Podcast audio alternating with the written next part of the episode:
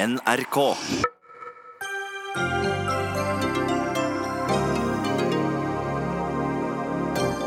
Åtte ganger sa Sylvi Listhaug unnskyld. Men er hun lei seg for at hun påstod at eh, Ap mener terroristenes rettigheter er viktigere enn nasjonens sikkerhet? Eller er hun lei seg for at noen ble lei seg? Og Ap støtter mistillitsforslag mot Listhaug, men hva gjør Støre om KrF plutselig er enig? Equinor. Så internasjonalt og så lite oljete at det er umulig å forstå at det er Statoil som skjuler seg bak det nye navnet. Og 400 000 eldre er rett og slett ikke på internett. Prøv å sette deg inn i hvor vanskelig hverdagen blir da.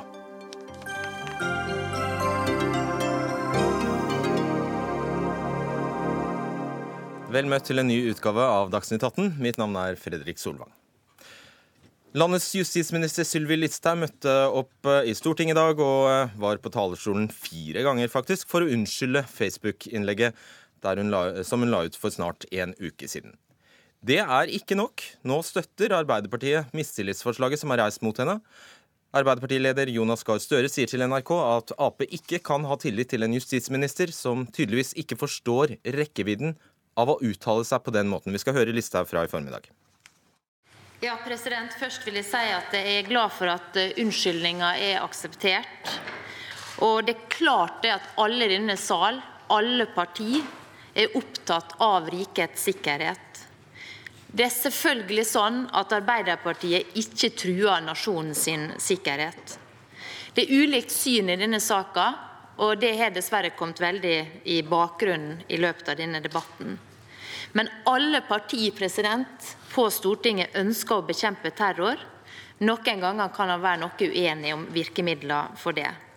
Derfor så, I den uforbeholdne unnskyldninga ligger det også selvfølgelig en unnskyldning for innholdet. Åsmund Aukrust, du er stortingsrepresentant for eh, Arbeiderpartiet. Er den akseptert, eller er den ikke akseptert, denne unnskyldningen? Nei, Vi tar til oss den unnskyldningen hun har gitt i dag, eh, men eh, vi er ikke fornøyd. Eh, derfor så Arbeiderpartiet, kom Arbeiderpartiet i dag til Stortinget for å fremme sterk kritikk av Sylvi Listhaug. Alle opposisjonspartiene, inkludert Kristelig Folkeparti, som er støtteparti til dagens regjering, kommer til å, i kveld til å vedta en sterk kritikk av Sylvi Listhaug. Men når hun kom til Stortinget, så hadde vi forventa å få en uforbeholden unnskyldning. Istedenfor så nølte hun Først så sa hun at hun har blitt eh, beklaga om noen har blitt lei seg. Hun snakka om at det var dårlig kommunikasjon. Eh, hun beklaga timingen. Og det måtte hales og dras i henne før hun da til slutt kunne komme med en unnskyldning. Når det ligger et mistillitsforslag der, så må vi vurdere det. Eh, og vi mener at etter en helhetsinntrykk så er det riktig at vi ikke lenger kan ha tillit til Sylvi Listhaug, sånn som hun har opptrådt den siste uka. Og det hun har bidratt med i den offentlige debatten ved å spre det bildet som hun gjorde, eh, og at hun heller ikke ga tillit til, i det svaret hun ga i dag, på at dette her var ektefølt, ektefølt engasjement. Hun ga jo en uforbeholden unnskyldning. Det er jo et sitat. Når man hører på debatten, og jeg anbefaler folk som hører, hører på Dagsnytt 18 til å gå inn og høre hva hun faktisk sa for noe, så kom hun altså måtte på fire ganger opp på talerstolen før hun klarte å komme med en unnskyldning. Og I går så sletta hun jo bildet. Eh, og Da brukte hun som begrunnelse at dette handla om billedrettigheter og ønska alle en ellers god dag.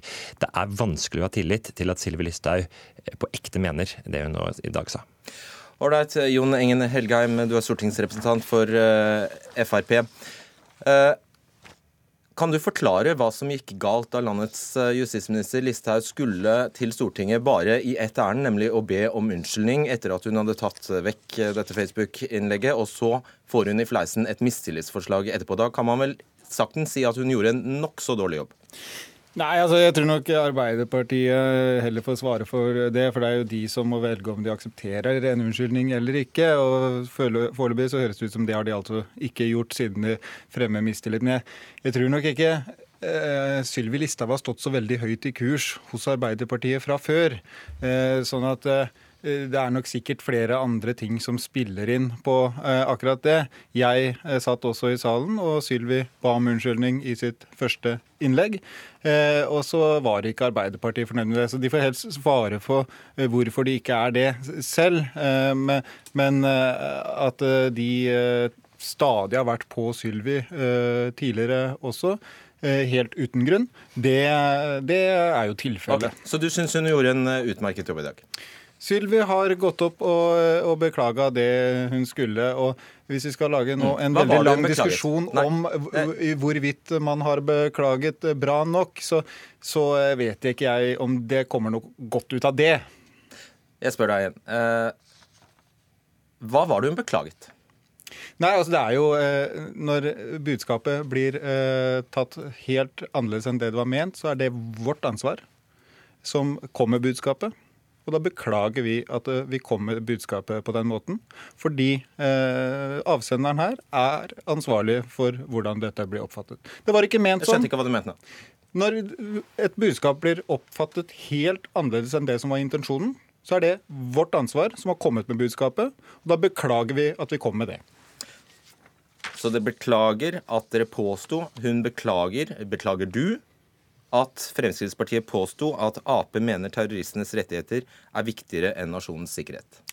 Var, Skulle dere ikke ha sagt det? Det var en spissformulering som ikke er riktig. Derfor er vi beklaget. Hvorfor kom den da, hvis den ikke er riktig? Fordi eh, den eh, kom til en enkeltsak hvor eh, det faktisk kan spørres om eh, Arbeiderpartiet har vekta det med rettssikkerhet uten grunn i akkurat den saken Glatt det bare ut? Nei da, men, men, det ble uh, Løp det en... fingrene bare over tastaturet? Jeg skjønner ikke hvordan sånt bare kommer på trykk. Jeg, jeg, sa jo dette her på Dagsrevyen 21 uh, eh, dagen før Sylvi posta det, og da var det ingen som reagerte på det. Uh, men så ble det helt feil etter hvert, og da må vi beklage det. Men det var, det var knyttet til den enkeltsaken. Det er alltid sånn, det er alltid en balansegang, det med rettssikkerhet og uh, hensynet til sikkerhetstiltak. Det er en evig diskusjon. Så du står ved innholdet? Jeg, jeg, står ved at i den saken så hadde Arbeiderpartiet en holdning som vi mente var feil, fordi det hadde vekta det med rettssikkerhet unødvendig høyt. Står du ved at Ap mener terroristenes rettigheter er viktigere enn nasjonens sikkerhet? Står det, står jeg ikke for, fordi det er et Det sto du for for noen dager siden. Vi har beklaga det. Ja. I Drammens Tidende i dag så har du uttalt deg, og der sier du jeg kan ikke endre det faktumet sakens kjerne er den samme. Du har skrevet på sosiale medier at de som er uenige med deg, de er terrorvennlige. Jeg bryr meg ikke så mye om hva du sier, men jeg bryr meg fryktelig mye om hva Sylvi Listhaug sier. Sylvi Listhaug er justisminister i Norge. Hun har det øverste ansvaret for å bekjempe netthets, hatkriminalitet, konspirasjonsteorier. Så legger altså hun ut en post fredag for seks dager siden. Hun har tidligere vært en av Norges best betalte kommunikasjonsrådgivere. Hun har sagt hun unnskyld, men, La meg fullføre. La meg fullføre. Ja, det spørs. Jo, men, nei, men la meg, men la, la meg fullføre. Fordi hun la ut denne her for seks dager siden, og det kom et flom av hat og konspirasjonsteori under. Folk skrev som under der Breivik hadde et godt poeng. ABB burde, fikk ikke fullført sitt oppdrag. Den type hatsk retorikk og Sylvi Listhaug visste hva hun gjorde. Det har gått seks dager. Det har gått seks dager. I går slettet hun det med begrunnelse i at den ikke hadde rettigheter til det bildet. Det viser at her er det en justisminister som har gått over en grense som jeg tror vi aldri har sett i noe nordeuropeisk land. At en statsråd, til og med en justisminister, istedenfor å bekjempe disse ytringene og holdningene, så er hun med å nøre opp under de, og derfor så kan ikke Arbeiderpartiet lenger ha tillit til henne. Hun har sagt unnskyld. Hun måtte, sa unnskyld etter blitt oppfordra for fjerde gang ja, Hun har sagt unnskyld. Dette spiller vel ingen rolle etter hvor mange dager det går. Hun har sagt unnskyld. Det programleder åpenbart spiller det noen rolle hva justisministeren har gjort den siste uka. Og når hun går opp på talerstolen og sier at hun ble beklaga at noen var lei seg, hun beklaga at det kom med dårlig timing. Hun snakka om mangel på kommunikasjon. Altså har ikke vi lenger tillit Så hun kunne like gjerne ha latt være? Nei, hun burde gått opp. Eh, hun burde For en uke siden så burde hun sagt dette skulle ja, men det gjorde hun en gang Nei, ikke. Da burde hun gjort det eh, for fire dager siden, for tre dager siden, for to men, dager siden, men, eller i går. Men, så i dag hadde hun egentlig ingen sjanse, er det det du sier? Nei, hun kunne også kommet i dag og kommet med en uforbeholden unnskyldning med en gang møtet starta. Vi kom dit med en sterk kritikk av Sylvi Lysthaug. Mm. Stortinget vedtar, cirka akkurat mens vi er her, en sterk kritikk. Det er veldig sjelden det skjer. Det skjer av alle opposisjonspartiene. Men, Men Fredrik Solvang, jeg må bare også si at dette handler egentlig ikke om våre følelser. Dette, det det handler om, det er hvor farlig dette hatet er. Vi veit at det fins krefter Ja, der ute som, Nei, men vi vet at det finnes krefter der ute eh, som har et intenst hat mot Arbeiderpartiet. Og vi veit hvor, hvor farlig det kan være for noe. Og derfor, si derfor blir vi så opprørt. Derfor så blir vi så Jeg har forbannet. stor forståelse for, Derfor blir vi for så det. forbannet, fordi vi, eh, fordi vi veit hvor skummelt dette kan være. Jeg har stor det er under syv år sia Justisdepartementet, hvor Sylvi Listhaug selv er statsråd, ble bomba fordi noen ønska å ødelegge Arbeiderpartiet. 77 mennesker ble, ble, ble, ble drept. Og nå ser vi at justisminister, er ikke- er- er klarer å alle forstår at det er det som gjør denne saken ekstra vanskelig. Det er ingen som ikke forstår det. Og det burde jo selvfølgelig dere også ha, ha forstått. Såpass vett i skallen, unnskyld uttrykket, må man ha. Spesielt når man er justisminister. Dette er beklaget og unnskyldt. Og Men hvorfor har man ikke det vettet i utgangspunktet? Komme, da må vi komme til saken eh, og diskutere sak. Det må være Det tar en mulig uke å forstå det.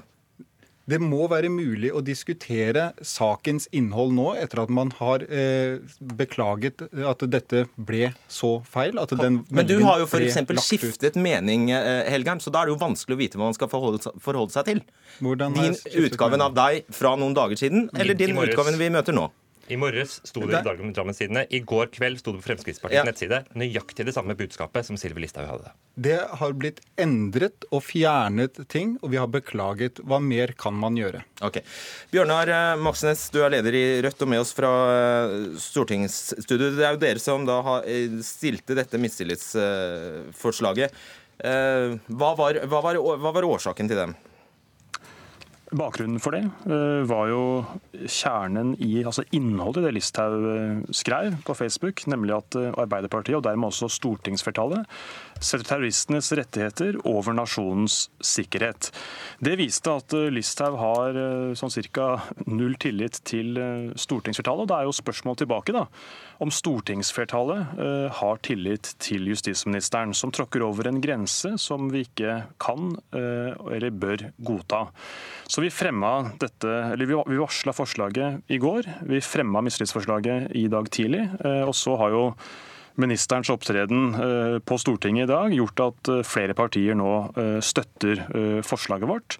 Jeg tror mange ser at det Listhaug driver med, er et ganske kynisk og eh, beregnende politisk spill ut fra én eneste hensikt. Og det er å sørge for at hun eh, får økt popularitet, bygger karrieren sin, får flere velgere. Hun vil til og med altså falle sin egen regjeringssjef eh, i ryggen for å sørge for at hun får mest mulig blest og PR og velgere. Hvem er det som er beregnende her, Bjørnar Moxnes? Du fremmer et mistillitsforslag mot en regjering du åpenbart ikke ønsker. basert på det Listhaug har gjort av et grovt overtramp som veldig mange flere eh, enn Rødt er enig i at er langt over streken. Og Hvis ikke vi stanser dette her og setter ned foten for det, så kan dette etter mitt syn eh, få autoritære konsekvenser. At vi, at vi godtar en minister eh, som fremmer beskyldninger om at de som er uenige med Frp i en enkelt sak som dreier seg om å balansere rettssikkerhet mot terrorbekjempelse, på, er på sett og vis ifølge Frp er en slags form for landssvikere. Den typen beskyldninger må Stortinget sette ned foten for. og men, og stanse, Ja, men, men- stanse men en minister som fremmer den å bli beskyldninger. trodd. Nå må det snart gå an å bli trodd på at det, det selvsagt ikke var meningen. Jeg satt i eh, dette studio to ganger. Jeg satt i andre studioer flere ganger og sa at eh, vi mener ikke at Arbeiderpartiet er et parti som beskytter eller støtter terrorisme. Det er en uhyrlig påstand som vi ikke mener. Da er Så det har rart. ikke- det, det har vi vært det tydelige på rart hele veien. Unnskyld meg, da er det rart, den- at dere skriver en Eh, post Moxnes, la han fullføre, så får du ordet.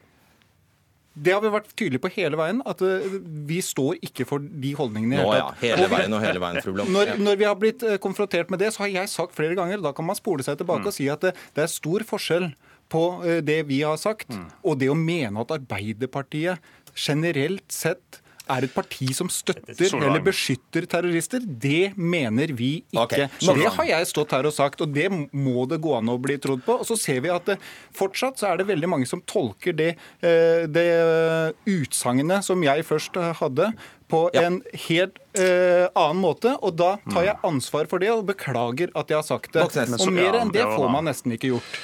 Altså, Dere har jo ikke bare sagt, men også delt på internett. Det kan jo bare lytterne og seerne sjekke selv. At eh, Arbeiderpartiet setter altså terroristenes rettigheter over nasjonens sikkerhet. Og så er da forklaringen at det gjelder bare i én enkelt sak. og Da er det en slags formildende omstendighet jeg skjønner, at det kun gjelder i én enkelt sak. Men det er jo en ganske drøy påstand. Og det er også noe som rammer stortingsflertall som er uenig med dere i denne konkrete, enkelte saken. Og da er det helt naturlig at Stortinget, hvor det etter mitt syn og vurdering ikke er et flertall som har tillit til Sylvi Listhaug, på tirsdag, førstkommende tirsdag, støtter vårt forslag. og På den måten kan vi kvitte oss med Listhaug og heller få en minister som ikke uh, beskylder stortingsflertallet for dette. Vet du noe vi andre slettes ikke vet? Jeg er ganske sikker på at det ikke er noe reelt flertall som faktisk har tillit til Listhaug på Stortinget. Så blir spørsmålet for andre partier om andre indre taktiske hensyn eventuelt spiller inn. Men Akkurat. Så, hvis, som, hvis, så hvis de stemmer etter samvittigheten sin, så er det ikke flertall for Sylvi Listhaug? Hvis sier? Hvis man lytter til det partienes ledere sier på Stortinget, eh, også til og med Venstres eh, representanter, og ikke minst KrF, så er det lite tillit til Listhaug mm. å spore av gode grunner, fordi hun åpenbart har brukt sjansen sin nå i flere dager på rad til å demonstrere at for henne er det viktigste å stå fast ved sin løgnaktige påstand om Arbeiderpartiet for å sanke flest mulig velgere. Og det kommer altså en slags unnskyldning. Det har blitt dratt etter, etter håret av både baklengs og forlengs i Stortinget. Da kommer en slags unnskyldning til slutt, og det tror jeg veldig få tror på er særlig oppriktig. Fint. Audun Lysbakken, du er eh, leder i eh, SV. Eh, deler du denne vurderingen at det faktisk er et reelt flertall på Stortinget som har mistillit til Sylvi Listhaug? Det vil jo de neste dagene vise. Ja, Det er vi fullt klar over, men deler du den oppfatningen? Jeg kan bare svare for SV. Vi kommer til å stemme for det mistillitsforslaget. Så får andre partier svare for seg sjøl. Til nå så har det jo dessverre vært et flertall for denne regjeringen. Det mener jeg at det ikke burde vært. Sylvi Listhaug har aldri vært med en minister, kommer aldri til å bli det. Og så får de eh, partiene som støtter regjeringen svare for uh, hvorfor de eventuelt eh, fortsetter å ta ansvar for. Uten KrF har jo dette, eller for så vidt uten Senterpartiet og KrF, så har jo ikke denne mistilliten noe flertall. Hva gjør dere hvis de to partiene faktisk stemmer for? Hvis jeg først skal forklare hvorfor jeg mener det er riktig å gjøre det. For dette tror jeg har blitt en sånn lett kaotisk debatt for, for lytterne. Vi mener for det første at statsråden har svekket seg sjøl i dag. Hvis hun hadde gått rett på talerstolen, holdt en veldig klar og uforbeholden unnskyldning, så tror jeg den dagen hadde endt på en litt annen måte. Istedenfor så måtte det dras ut av henne. Men det andre og det viktigste for oss er at Frp snakker nå veldig om at det var aldri sånn ment. De er lei seg for at folk er blitt såret. Eh, og det er bra, men det er faktisk ikke det som er kjernen i saken kjernen i saken som det ikke er noen tegn til at verken statsråden eller Frp sin representant i studio har erkjent, er hvor farlig det er å gi næring til den typen konspirasjonsteorier ja. som man gjorde forrige fredag. Det har jeg ikke fått noe tillitvekkende svar på fra Fremskrittspartiet i dag. Og det er en veldig viktig grunn til at vi har bestemt oss for å stemme for mistillitsforslag. Ja, da kan du svare på et spørsmål mitt. Hva, hva gjør dere hvis dere får flertall? Nei, Det kommer jo også an på hva slags flertall vi har på Stortinget etter det. Eh, det er de partiene som støtter dagens regjering som må svare på det. Vi stemmer etter hva vi mener. Eh, for oss har dette aldri vært, kommer aldri til å bli, et taktisk spørsmål. Et spørsmål om hva vi mener er riktig. Okay. Uh, og Så får vi se hva slags situasjon vi får hvis uh, det skulle bli et sånt flertall. Det er ikke det viktige her. Det viktige er hva krever vi av en som er justisminister i Norge. Greit. Helgheim, eh, er, jeg skal bare legge til, det er tre mot én her fordi altså, vi har ringt alle. Absolutt alle. Eh, og de er verken Siv Jensen eller Erna Solberg eller noen andre fra Høyre for den saks skyld, eller noen fra Venstre eller fra KrF ville stille her. Så eh, derfor er eh, konstellasjonen det den er. Helge. Ja, og da hadde det vært rimelig at jeg får litt tid til å svare også. For det som hadde vært interessant å diskutere mer her, er jo eh, saken, sånn at folk kan forstå hva som har skjedd. For jeg tror det er kaotisk for velgerne, som Lysbakken også så, eh, sa, å forstå egentlig hva som eh, har skjedd i denne ja, saken. Du har ikke god tid. Og det som, det som er et faktum i denne saken, er at det, det har vært en diskusjon om én bestemmelse som eh, sier eh, om vi skal innta et eh, statsborgerskap eh, administrativt eller ikke. Eh, og det er alltid en vekting for oss politikere. Alle partier må vekte. Skal man sette rettssikkerheten foran det eh, forebyggende tiltaket, eller er det så viktig å få det innført at man eh, setter det forebyggende tiltakene øverst? Okay. Det er det debatten handler om. Og vi mente i denne saken at Arbeiderpartiet hadde vekta rettssikkerheten for høyt, og satt det foran eh, behovet for det forebyggende tiltaket. Det er det som er ment å få fram, og det gjorde vi på en feil måte og måtte beklage det. Men den siden av saken må det gå an å debattere, for det er en vanskelig balansegang alltid. Noen ganger så setter også Frp rettssikkerheten foran et forebyggende tiltak. For vi kan ikke bare gjøre alt uh, som er mulig å gjøre for å overvåke Greit. og forebygge. Så dette er det sakens kjerne handler om. Det var det som var ment, ingenting annet. Det ble feil, men ja, jeg ber om å bli trodd på at det vi mente med utspillet, som var spissformulert og feil, det var det. Man må ikke tro at vi mente å nøre opp under disse tingene, men det skjedde, og da beklager vi. For vi støtter ikke sånne holdninger. Aukrust. Kan du fortelle oss nøyaktig altså, Ikke forutsett at hun, eh, at hun, eh, gikk ut og beklaget eller gjorde noe som helst eh, inntil i dag, men bare, ta, bare uh, håndter saken fra at hun kommer til Stortinget. Hva skulle Sylvi Listhaug ha gjort i dag for å unngå mistillit fra dere? Hun skulle gått opp på talerstolen og sagt, gitt en uforbeholden unnskyldning og så skulle hun vist at hun skjønner hva dette handler om. Det handler om at det er et hat der ute mot Arbeiderpartiet og mot det flerkulturelle samfunnet som hun den siste uka har vært med å hause opp. Det skulle hun som justisminister ha forstått, og hun skulle sagt hva hun skulle gjøre, gjøre med dette problemet. Istedenfor så går hun altså opp og kommer med all verdens bortforklaringer om å hales og dras i. Det er en justisminister som ikke vi kan ha tillit til. Og jeg må jo bare si, jeg heller også veldig skuffa over hvordan Høyre har håndtert denne saken. De er ikke her, men Erna Solberg framstiller dette som en konflikt mellom Arbeiderpartiet og Fremskrittspartiet. Vi har sett ledende Høyre-politikere prøve å bagatellisere det og normalisere det. Nettopp fordi de ikke er her, så kan ikke fortsette. Og så bare avslutte. Derfor så mener vi at nå må Stortinget gripe inn når ikke Erna Solberg klarer det sjøl. Hjertelig takk skal alle dere ha. Åsmund Aukrust, Jon Helgheim, Bjørnar Moxnes og Audun Lysbakken. Vi skal eh, fortsette på denne saken, fordi det er eh, jo da slik at eh, Eh, ledelsen i Arbeiderpartiet i ettermiddag bestemte seg for å innstille på mistillit til eh, eh, statsråd Sylvi Listhaug. Det overrasket for så vidt mange. Magnus Takvam, politisk kommentator her i NRK. Vet du noe mer om hvordan de har tenkt? Nei, altså, Som du sier, så var det noe overraskende. Det er jo ikke i tråd med skal vi si, Arbeiderpartiets praksis å, å, gjøre dette. Men det er åpenbart at, som dere har vært inne på, hele bakteppet med 22.07. Eh, i denne saken har gjort at det er et, et voldsomt trøkk selvfølgelig internt i Arbeiderpartiet mot Sylvi Listhaug, mot eh, regjeringen i denne, i denne, spesielle saken. Og stort sinne, som vi hører? Det er klart. Og um, dermed så, så, var det nok en del som trodde at uh, når, da Sylvi Listhaug etter jeg vet ikke om det var åtte ganger hadde gått opp og eh, stadig presisert sin unnskyldning, at, at også Støre ville godta det liksom motstrebende til slutt, men det gjorde, gjorde, de altså ikke. Og etter en times tid så, så, hadde de da bestemt seg for å ta og støtte et mistillitsforslag. Da fulgte automatisk nærmest SV med, fordi de mener venstresiden eller de vil støtte Arbeiderpartiet i denne spesielle saken, slik at de står, står da sammen bak å støtte dette forslaget. Eh, Fridtjof Jacobsen, kommentator i VG. Har, eh, eh, har Støre tenkt på hva, hva, som kan skje hvis eh, KrF, og da Senterpartiet må jo også til, hva som skjer hvis han plutselig får flertall? Eller hvis det plutselig blir flertall her? Mitt inntrykk er at uh, vurderingen i Arbeiderpartiet nå er at uh, et slikt flertall anser de som lite sannsynlig, slik uh, situasjonen er nå. Eh, men jeg går jo ut fra at de har eh, vurdert det som en, en eh, mulighet. Men, men altså vurderingen, så vidt jeg forstår, i Arbeiderpartiet og også liksom i det politiske miljøet, er at Kristelig Folkeparti ikke vil gå dit i bare, denne omgangen. Bare taktikkeri, da? Nei, jeg tror ikke det bare er taktikkeri. Jeg tror jo at, For det første tror jeg at raseriet og frustrasjonen i Arbeiderpartiet over Listhaugs oppførsel i denne saken, også i dag, Dagens Næringsliv har nettopp publisert en sak eh, der de avslører at Listhaug hadde fått et manus med en uforbeholden unnskyldning som hun gjorde endringer i før hun skulle opp på talerstolen og vannet ut sin egen unnskyldning.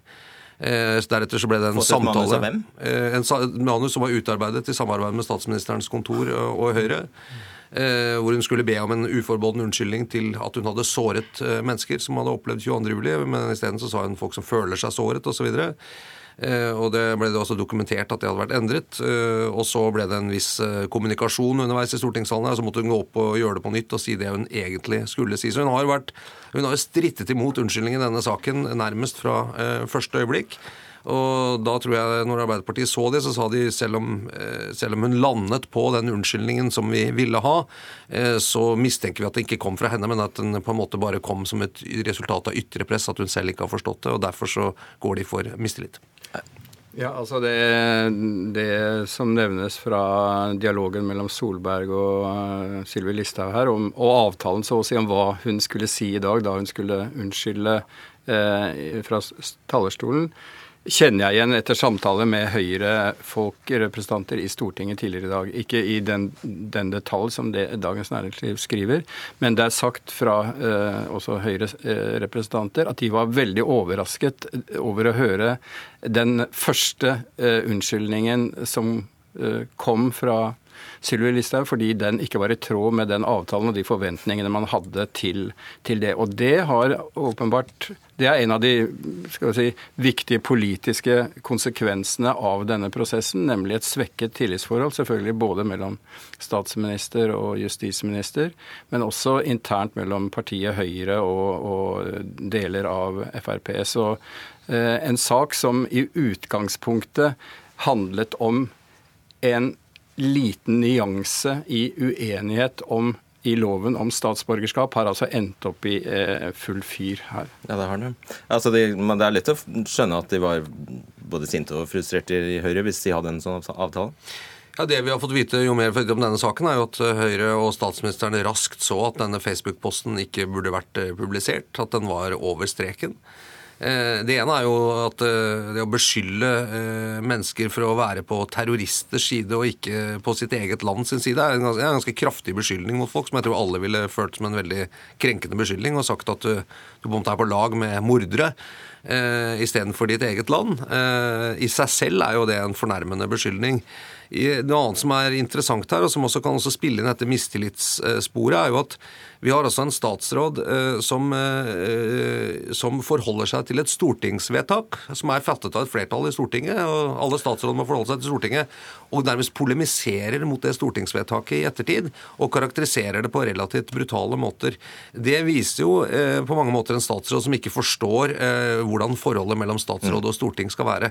Er, statsråder pleier ikke å polemisere mot vedtaket i Stortinget etter at de har fattet. Nei, de pleier jo slett ikke det. Nå gjør vel Sylvi Listhaug en god del statsråder ikke pleier pleier å gjøre. Tone Sofie Aglen, politisk redaktør i Adresseavisen.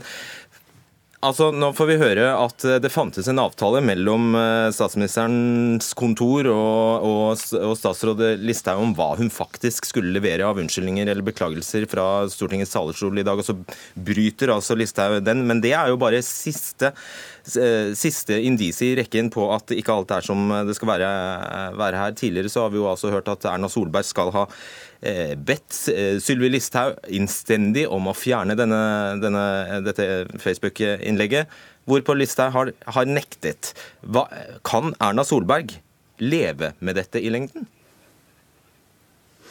Jeg tror i hvert fall ikke at eh, hun og regjeringa tåler noen mange flere sånne runder. Og jeg tror at denne saken er kanskje aller verst for Erna Solberg. For eh, den eh, setter jo litt i tvil hennes kontroll over sine egne statsråder. Og bidrar litt til å undergrave hennes autoritet.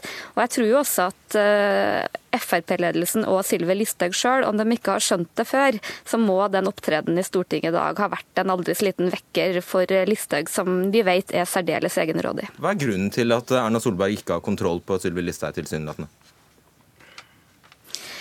Det handler nok eh, veldig mye om Sylvi Listhaugs posisjon i Fremskrittspartiet. Hun er vel den aller viktigste velgermagneten som partiet har. Og hun står så sterkt både blant medlemmene og grasrota at man, hun blir litt sånn urørlig. Og eh, kombinert med at Eh, Erna Solberg har litt liten eh, tradisjon for å stramme opp eh, sine statsråder, og har vel vært veldig forsiktig. og Det handler nok veldig mye om forholdet mellom Frp og Høyre, som, hvor man på en måte har respektert at hun er viktig for Frp. Og så har man gjort en vurdering av at det har vært bedre å ha ei sånn urokråke på innsida av regjeringa enn i Stortinget, men det jo, vil jo kanskje vise seg at det kanskje ikke har vært så klokt. Dere må være veldig raske nå, men jeg har tenkt å stille samme spørsmål til begge dere nå.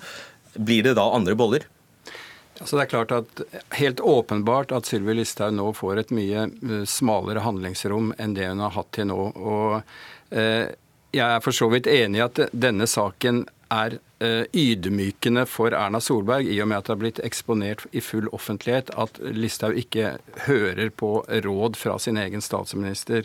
Men samtidig er det, når siste, dette siste eksempelet blir kjent, slik at når de gjør en avtale, og Sylvi Listhaug da eh, bryter den, så er det selvfølgelig begrenset hva statsministeren i den aktuelle situasjonen kan gjøre.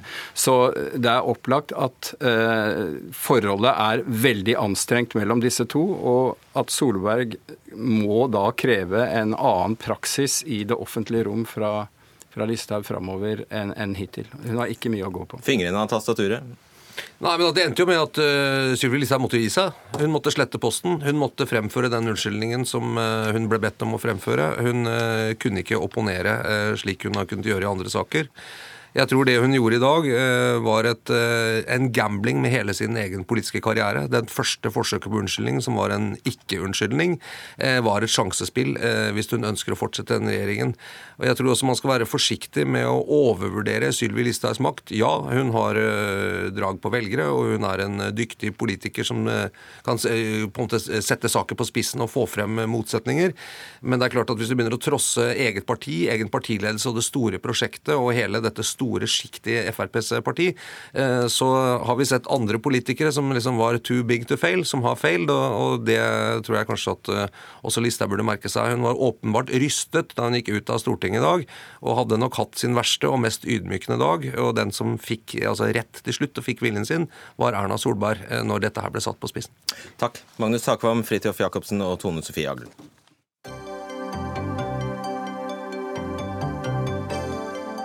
Hør Dagsnytt 18 når du vil. Radio NRK Radio.nrk.no. I nesten 50 år har Norges statlige oljeselskap selvfølgelig hett Statoil. Men den tid er nå over. Nå skal nemlig både stat og olje ut av navnet, hvis, eh, det vil si hvis selskapet får viljen sin. For eh, i dag ble det kjent at Statoil skal bytte navn til ja, vet, du skal få uttale det selv, faktisk. Bård Lad Pedersen. I, eh, du, er, eh, du er kommunikasjonsdirektør i, eh, i Statoil. Uttal det selv, er du snill. Equinor. Vi, styret foreslår at vi skal skifte navn til Equinor. Og startpunktet for oss for det hva, hva sa du for noe? Equinor. Å oh, ja. Stav det, er du snill. E-Q-U-I-N-O-R. E-Q-U-I? Mm.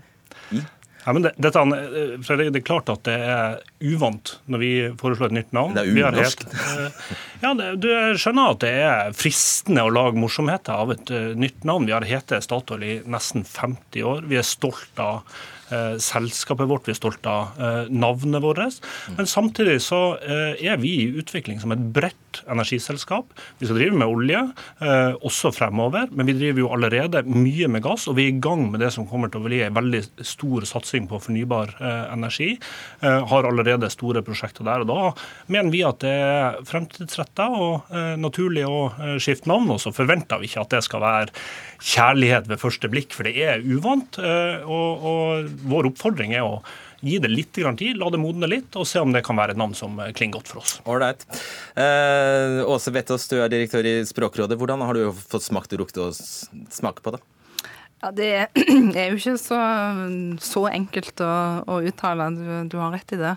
Altså, Språkrådet er, er rådgir jo om navn. Statoil har jo ikke noen sånn konsultasjonsplikt hos oss, men jeg skulle jo, når jeg ser det de har valgt, ønske at de i alle fall hadde spurt oss til råds, for vi hadde hatt noen ganske gode råd å komme med på veien her. Som hva? Ja, Hvis en først skal skifte navn, så bør en finne et navn som sier noe om hva slags virksomhet det en driver. Equinor sier jo ingenting om hva det er denne virksomheten holder på med eller skal holde på med, så det er vanskelig å kommunisere gjennom navnet med eh, brukerne. Det er det ene. Og det andre er at jeg skulle veldig gjerne ønsket at Statoil i denne sammenhengen kunne vist litt skikkelig språklig selvtillit og valgt et godt norsk navn. Og det tror jeg faktisk at de hadde tjent på internasjonalt òg. For det er sånn at Norge og Skandinavia har et veldig positivt ry der ute i verden. Og de kunne rett og slett fått drahjelp av alle de flotte verdiene som folk forbinder med Norge og Skandinavia, med et norsk navn. Hva skal EKVI stå for? Det er startpunktet for ord som uh, equal, equality, equilibrium. Det har med uh, likhet, likeverd, likevekt, balanse. Og vi har uh, egentlig med vilje gjøre? Vi har valgt med vilje å ikke ha et ord som beskriver eh, virksomheten, fordi vi har en bred virksomhet. Vi er mer enn et oljeselskap. Vi produserer også gass, stadig mer fornybar eh, energi. Og ja, men Dere er jo ikke et oppkjøpsfond, dere er jo veldig mye annet. Som, det, jo, det, meste er dere jo ikke. For oss så er dette ord som er verdier som er viktige for oss som selskap, som vi ønsker å strekke oss etter. Eh, og så Ekvilibrium, som betyr balanse, har noe med hvordan vi ser på energifremtida. Det er en av de store utfordringene som verden står overfor. Det er hvordan klare å produsere energi som verden trenger, samtidig eh, som vi møter klimautfordringen. Og Så eh, vil jeg trekke fram en ting til som eh, du var innom, og det er å ha en stolthet over det norske, den opprinnelsen vi har, og derfor ha nord i navnet. Men så skjønner vi jo at det er ingen som forbinder noen ting med dette ordet nå når vi lanserer det.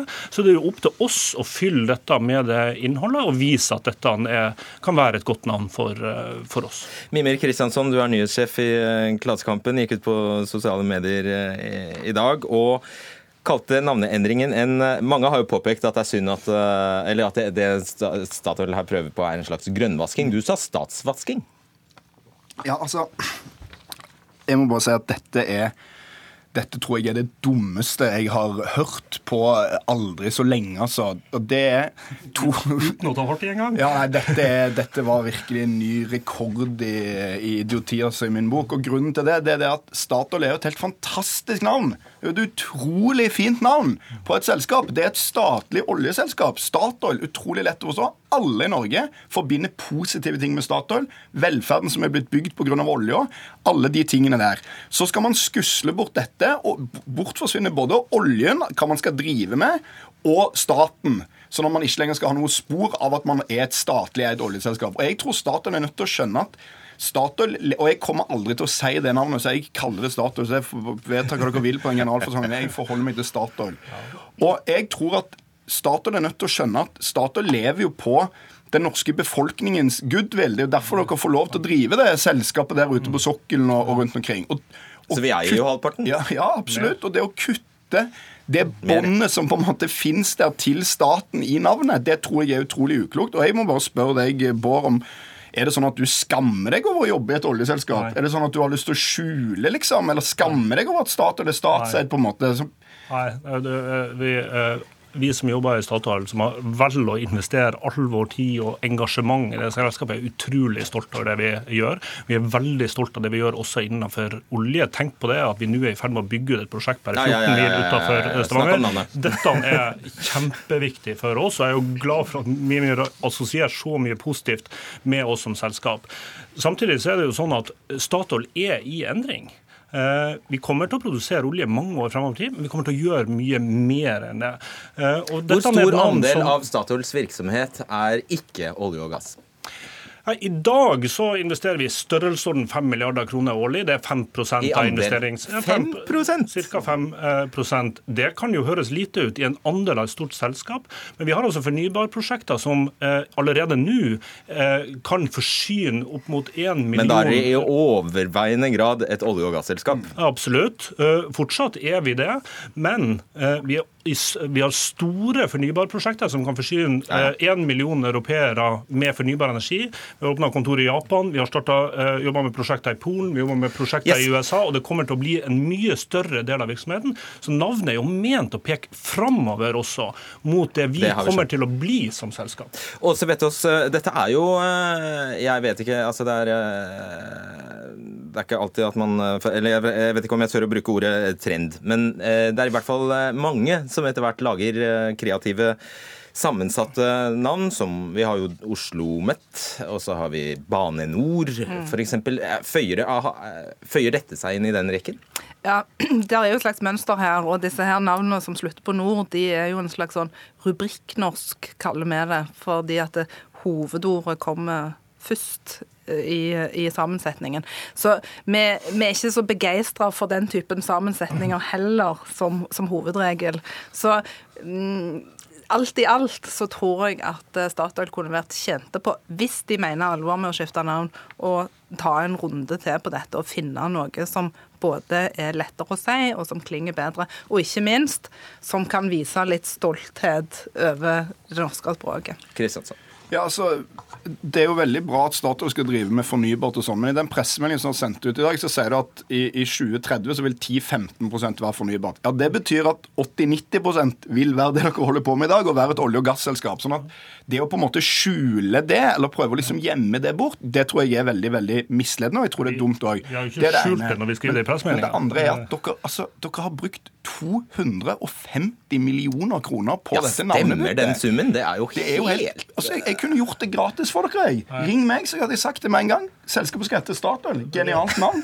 Og da hadde løst hele problemet. Og det tror jeg de aller aller fleste i Norge er enig i. Dette er type sånn, ikke for å fornærme din yrkesgruppe, men type sånn kommunikasjonsrådgiverpåfunn. Dette her.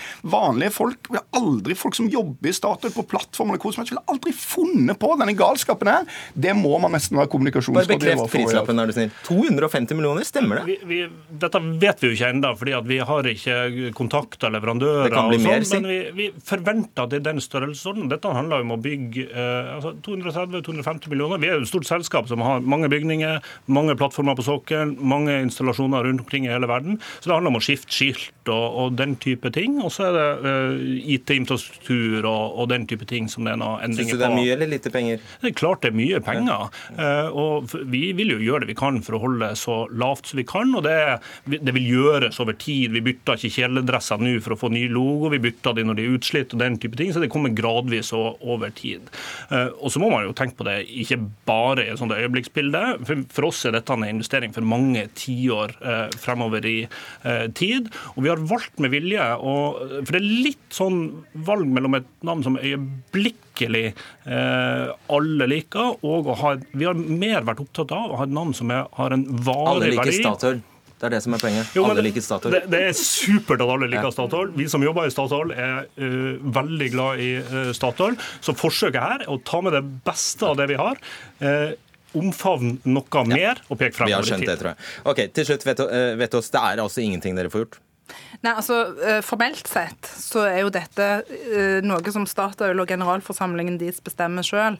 Men jeg vil bare, jeg vil bare ja, understreke igjen at uh, vi rådgir alle som er interessert i det, i gode, fornuftige navnevalg. Og vi gjør det helt gratis. Men kan Jeg si, jeg bare si en ting til, til, det. at Klart at vi ønsker at navnet skal klinge godt på norsk, men vi ønsker også at navnet skal fungere på veldig mange språk rundt omkring i, i, i, i verden. Jo, men vi har altså ment at det var riktig å skifte navn fordi at selskapet er i endring. Og da har vi ønska å finne navn som kan brukes i hele verden. og det fem sekunder, vi har gjort. Ja, men må, Nå må bare politikerne ta ansvar og sette foten ned for denne galskapen. altså Det er staten som eier selskapet, og det er derfor det heter Statoil, og det burde det fortsette å gjøre.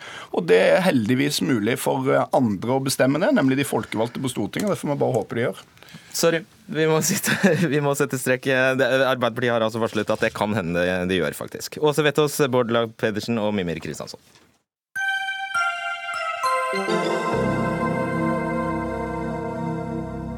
Norge er det mest digitale samfunnet i verden, men til tross for det klarer ikke 400 000, ja, 400 000 nordmenn å bruke digitale tjenester, kunne vi lese i Aftenposten denne uka. Og Det betyr jo da i praksis at mange, spesielt pensjonister, bruker store summer på gebyrer osv. fordi de ikke kan eller vil bruke internett. Petter Brandtzæg, du er seniorforsker ved Sintef. Hva er eh, konsekvensen av at Norge har blitt så gjennomdigitalisert? Du sa det jo godt selv. altså Jo mer digitalt et samfunn blir, eh, jo mer utenfor føler jo de ikke-digitale seg. Sånn at man kan jo tenke seg en dag da, uten internett selv. altså Hvor hjelpeløs er man ikke da? altså Man trenger det til alt mulig rart. Man trenger det til å få informasjon, kjøpe tjenester, utføre banktjenester, kjøpe billetter. Alt mulig rart. altså Man trenger internett til alt. Og når man ikke har internett, tilgang til internett, eller ikke kan bruke internett, for da blir jo antallet enda større, for det er veldig mange som ikke har kompetanse til å bruke internett så føler man seg utenfor. Og da skaper vi ekstreme skiller, og disse skillene blir eh, særlig store da, i eh, verdens mest digitale samfunn, nemlig Norge. Er det da ting, handlinger, tjenester man rett og slett ikke får gjort? Ja, altså Man blir jo umyndiggjort som eh, menneske, fordi hvis man da ikke får tilgang til eh, bankkontoen sin f.eks., og må ha hjelp av noen man kanskje kjenner, eller et barnebarn eller et barn, så blir man jo på en måte umyndiggjort bare for å gjøre en enkel ting som å, betale regninger. Politikerne, eh, har politikerne tatt eh, høyde for dette her? Altså, Vi durer jo fram med digitalisering av samfunnet vårt på alle områder. Både i privat sektor og i offentlig sektor. Eh, jeg bodde en gang Ja, Men har politikerne ja. tatt høyde for at det er en halv million som ikke er med på den karusellen? Nei, det eh, vil jeg ikke si. Nei. Eh. Takk. Det jeg tenkte. Fordi Tuva Moflag, du får representere politikerne her. Du er altså stortingsrepresentant og eldrepolitisk statsperson i Arbeiderpartiet. Vet du hva, For meg, da jeg leste dette tallet 400 000 eldre på forsiden av Aftenposten, så slo det meg bare Nå skjønner jeg det opprøret om den Nav-slippen det, det, bare falt på plass. Da forsto jeg det. Eh, likevel så eh, skjer sånne ting. Hvorfor det? Nei, altså Det handler jo om at vi har en regjering som ikke velger å se ja, nei, disse menneskene. Litt, litt for enkelt, Nå gjorde jeg det litt for enkelt for deg. Sånne ting. Ja, altså, ja. OK, svar. Vær så god. Nei, altså hvorfor eh, utenforskapet skjer og hvorfor det med slippen skjer, det handler jo om at man ikke erkjenner at det er såpass mange mennesker som faktisk ikke klarer å nyttiggjøre seg av digitale hjelpemidler. Jeg er jo teknologioptimist. Arbeiderpartiet er for at vi skal ta i bruk nye løsninger. Men vi kan ikke gjøre det på bekostning av dem som ikke er med. For da får vi et samfunn hvor, hvor, hvor veldig mange havner utafor. Og det ønsker ikke vi. Nettopp. Så hva konkret gjør dere? Nei, altså Pensjonsslippen var det jo du sjøl som ja. Eh, la fram til meg på et sølvfat her. Vi var jo opptatt av at den skulle være tilgjengelig for dem som, eh, som ønsker det fortsatt. Andre det, ting da? Nei, altså Vi har bl.a. foreslått å bruke 5 millioner kroner på digital opplæring i kommunene. Gjerne i samarbeid med frivillige organisasjoner, Pensjonistforbundet osv. Sjøl har jeg vært ordfører i Ski kommune, hvor det arrangeres datakafé én gang i uka. Her møtes eh, studenter som går på IKT-linja på videregående, sammen med eldre som har utfordringer. De utveksler erfaringer og får opplæring. Det er sånne ting som vi må gjøre mer av. Mm.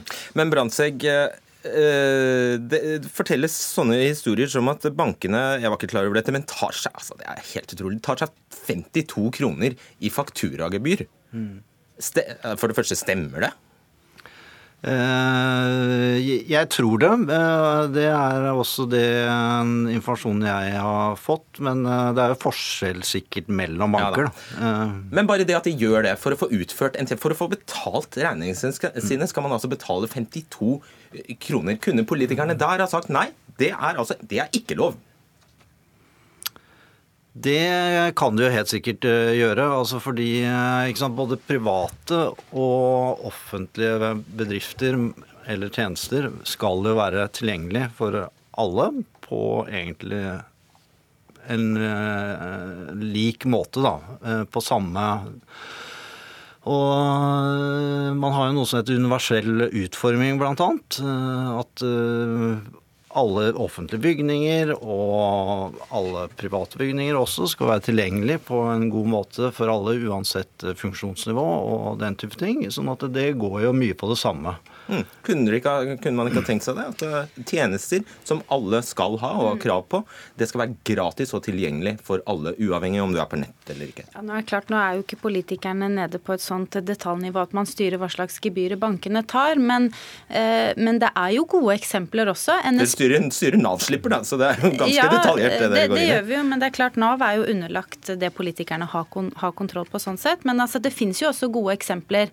Eh, NSB, det har i hvert fall vært sånn tidligere at uh, hvis du skal ha honnørbillett, så blir det ikke avkrevd dette om bordgebyret. Uh, du må betale 50 kroner ekstra faktisk hvis du kjøper billetten av konduktøren, hvis, hvis du ikke skal ha honnørbillett, men på honnørbillett så slipper du unna det. Det er jo en type tilpasning for en gruppe som jeg syns flere kunne la seg inspirere av, også bankene. For det handler jo om å være, være tilgjengelig og tilby en god tjeneste. Og dette handler ikke bare om eldre. Det handler bl.a. om synshemmede og blinde. Jeg hadde møte med Blindeforbundet i dag tidlig, og dette var faktisk noe av det de også tok opp. Nettopp. Ja, Helt til altså, slutt. Jeg ble faktisk ringt opp av flere organisasjoner eh, som eh, savnet også at de ble nevnt i denne problemstillingen. Hvor mange til slutt, Brandtzæg, eh, som vi kan kalle eldre, er ikke på internett? Hvilken andre? Hvor mange? altså? Ja, hvor mange av de, de vi kan kalle eldre, da, er ikke på internett? Nei, Antagelig en 300 000-400 000, men dette er anslag. altså Vi har jo ikke eksakte tall, for man måler jo ikke mennesker over 74 år lenger eh, på disse uh, statistikkene. Det er også helt Og regjeringa satser ikke på bredbånd heller. Ok, greit. Takk skal dere ha, Petter Brandtzæg og Tuva Moflag.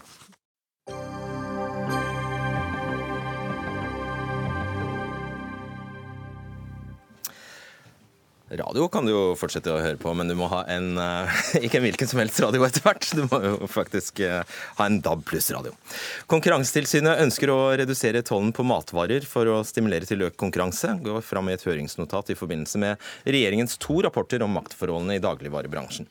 Både LO og ikke overraskende Norges Bondelag mener svekking av tollvernet er feil vei å gå, skriver Nasjonen i dag. Uh, per Skorge, generalsekretær i Norges Bondelag. Det er jo ganske logisk at hvis tollbarrierene senkes, så vil vi få flere billigere varer fra utlandet, dermed økt konkurranse. Mm. Og det vil du vel ikke ha noe av? Det må jeg bare si at eh, det overrasker meg veldig at Konkurransetilsynet eh, trekker fram importvern og mener at det skal eh, være svaret på utfordringen med etableringshindre. Fordi Grunnlaget for denne debatten er jo rapporten fra Oslo Economics som slår fast at det er spesielt to forhold som er viktige etableringshindre. Det ene er tilgang på butikklokaler, og det andre er prisen på de varene som man skal kjøpe. Og denne uka var gründeren av kolonial.no ute i, avisene og sa at eh, bekreftet nettopp det som Oslo Economics har kommet fram til, at det handler om innkjøpsbetingelser og han sa også at eh, importvernet betydde ingenting i denne sammenheng. Så derfor er jeg overrasket over Konkurransetilsynets posisjon. Så du skyver lederen i koloni... Hva var det du sa? Kolonial.no Kolonial foran deg? Ja. Eh, for, som, som, som, bevisførsel for eh, den ganske opplagte tesen om at eh, flere varer vil gi økt konkurranse. Jeg vil gjerne ta... Du valgte jo bare å hoppe over det og svare på det spørsmålet, egentlig. Jeg vil gjerne ta et eksempel til på, på hvorfor jeg mener nettopp dette her. Og, og, I EU så har vi jo samme uh, utfordring med maktkonsentrasjon som det vi har i Norge. Uh, men innad i EU uh, så er det altså ingen tol, ikke noe tollvern i det hele tatt. Allikevel har de nøyaktig den samme utfordringen. Det samme skjer der? Det samme skjer der. Magnus Gabrielsen, avdelingsdirektør i Konkurransetilsynet. Det Skorge sa her, det stemmer faktisk. Uh det gjør det ikke. Det som skjer i EU er noe helt annet enn det som skjer i Norge. Men la oss gå til vårt forslag. Ja, okay. Eh, det vi gjør, det er jo å foreslå eh, å gå rett til en grunnleggende årsak til konkurranseproblemene i dagligvare, nemlig at vi har store leverandører som møter lite konkurranse. Og hva skjer da? Jo, da blir det forhandlingene mellom leverandør og kjede som avgjør innkjøpsbetingelsene for kjedene. Og da vil de små kjedene ha en svakere forhandlingsposisjon, få høyere priser når de kjøper inn varer. Og Derfor er det vi sier at nå må en se på om en målrettet for noen produksjoner kan øke konkurransen fra utenlandske leverandører ved å gjøre noe med importvernet. Og så må en også se på reguleringen i landbruket for å se om en kan øke konkurransen fra mindre norske konkurrenter. For da vil en få utjevnet noe av forskjellene i innkjøpsbetingelser. Og da vil det være større sannsynlighet for at en utenlandsk kjede eller en annen mindre kjede kan greie å etablere seg i det norske dagligvaremarkedet. Du skal vel ikke kunne forbeholde de utenlandske varene eller du kaller det produksjoner, til de minste butikkene, vel? Det går ikke? Absolutt ikke. Vi ønsker å få økt konkurranse på leverandørleddet. Og det vil i sin tur gjennom eh, markedet gjøre at eh, forskjellen på store og små kjeder blir mindre. Mm. Lydiologisk det òg, Skorge? Ja, her mener jeg at eh, Konkurransetilsynet underslår det faktum at maktkonsentrasjon, som flere offentlige utvalg har eh, slått fast, den er enormt stor i siste leddet, eh, inkludert grossist- og distribusjonsleddet. Og pekt på at det er en, er en særlig utfordring. Ja, Men det var jo akkurat det han sa. Eh, ja, og, og, poenget er at da må man jo se hva kan man gjøre for å svekke eh, eh, Altså utvide konkurransen eh, dem imellom. Og da har jo da disse utvalgene Da må man se om man kan få, eh, få, et marked der det kommer flere varer inn, ja, sier han. Ja, men da har jo utvalg, utvalgene slått fast at hva kan man gjøre med det? Man kan ha en helt annen åpenhet i disse forhandlingene. Det handler om hvor, hvilke rabatter er det, og hvordan etableres de utrolig viktig. Det handler om eh, åpenhet rundt eh, kontrakter, eh, betingelser som gjør at det er mer likhet mellom, mellom aktørene. Så her er det altså en mulighet for å gripe fatt i dette her. Og så må jeg bare ta det med Nei, nei, vent, vent, vent. Gabrielsen, hva betyr dette her? Fordi dere, dere anerkjenner at norsk landbrukspolitikk og disse tollbarrierene selvfølgelig ikke bare handler om konkurranse i, dagligvare, i dagligvaren. Det handler handler egentlig om hvordan landet vårt skal se ut. Dere skriver tilsynet foreslår derfor å identifisere de produksjonene som har minst betydning for å nå målene i landbruket, og vurdere effekten av en reduksjon i tollsatsene for disse produktene. Oversett det, er du snill. Ja. Vi vil at man skal gå et hakk videre nå, få et bedre faktagrunnlag. Se om det er noen steder man kan gjøre noe med eh, importvernet og få bedre konkurranse på leverandørleddet uten at det skader de landbrukspolitiske målene for mye. Og så, Hva vi... betyr det? At uh, du, du, sier at brunost, det kan vi ha Eller ost, f.eks. Det, det ødelegger ikke bosettingsmønsteret i Norge. Det kan vi ha. Der kan vi senke tonen. Nei, vi, vi, skal ikke gå inn og si hvilke, men det er jo åpenbart at f.eks. produksjon av kylling og produksjon av eh, lammekjøtt eh, har helt ulike effekter på de landbrukspolitiske landbrukspolitiske målene. Men det er andre som er eksperter på det. Det vi kan si, det er at vi vil at en skal få bedre grunnlag for å si hvor kan vi få størst effekt på konkurransen, hvor kan vi få minst skade på landbruket. Og så får det være politikerne som gjør den avveiningen og ser om vi kan komme videre, få en bedre konkurranse, lavere priser for forbrukerne. Skal nettotollen være lik? lik? Kan den være lik? Altså eh, Summen av alle tollsatser, skal den kunne være lik? Nei, det tviler jeg på. Nei, Så de må ned. Ok, Skal Skorg. Ja, og så er det sånn at uh, To tredjeparter av alle varer som dagligvarehandelen omsetter, de er med lav eller ingen toll. Og vi ser at det er altså ingen forskjell i hvordan man Eh, situasjonen på disse varene kontra de varene som det er toll på. og Det bekrefter jo også eh, det som jeg nevnte fra kolonial.no her i stad. Sånn at eh, dette handler ikke om importerne, dette handler om maktkonsentrasjon på siste leddet. Og skal man gjøre noe med det, så må man altså gå til kjernen av problemet. og Det handler om å skape en bedre balanse mellom de ulike leddene i varekjeden her. Og her, kan, her, her er det helt Kommenter det, Gabrielsen, for vi har litt altså. Fra en konkurransefaglig eh, vinkel så er jo dette helt meningsløst. Eh, hvis en skal gjøre noe med konkurransen, så må en ikke åpne opp for eh, betingelsene. Hvis en gjør konkurransesensitiv informasjon mer tilgjengelig, så er det stor fare for at det tvert imot svekker konkurransen.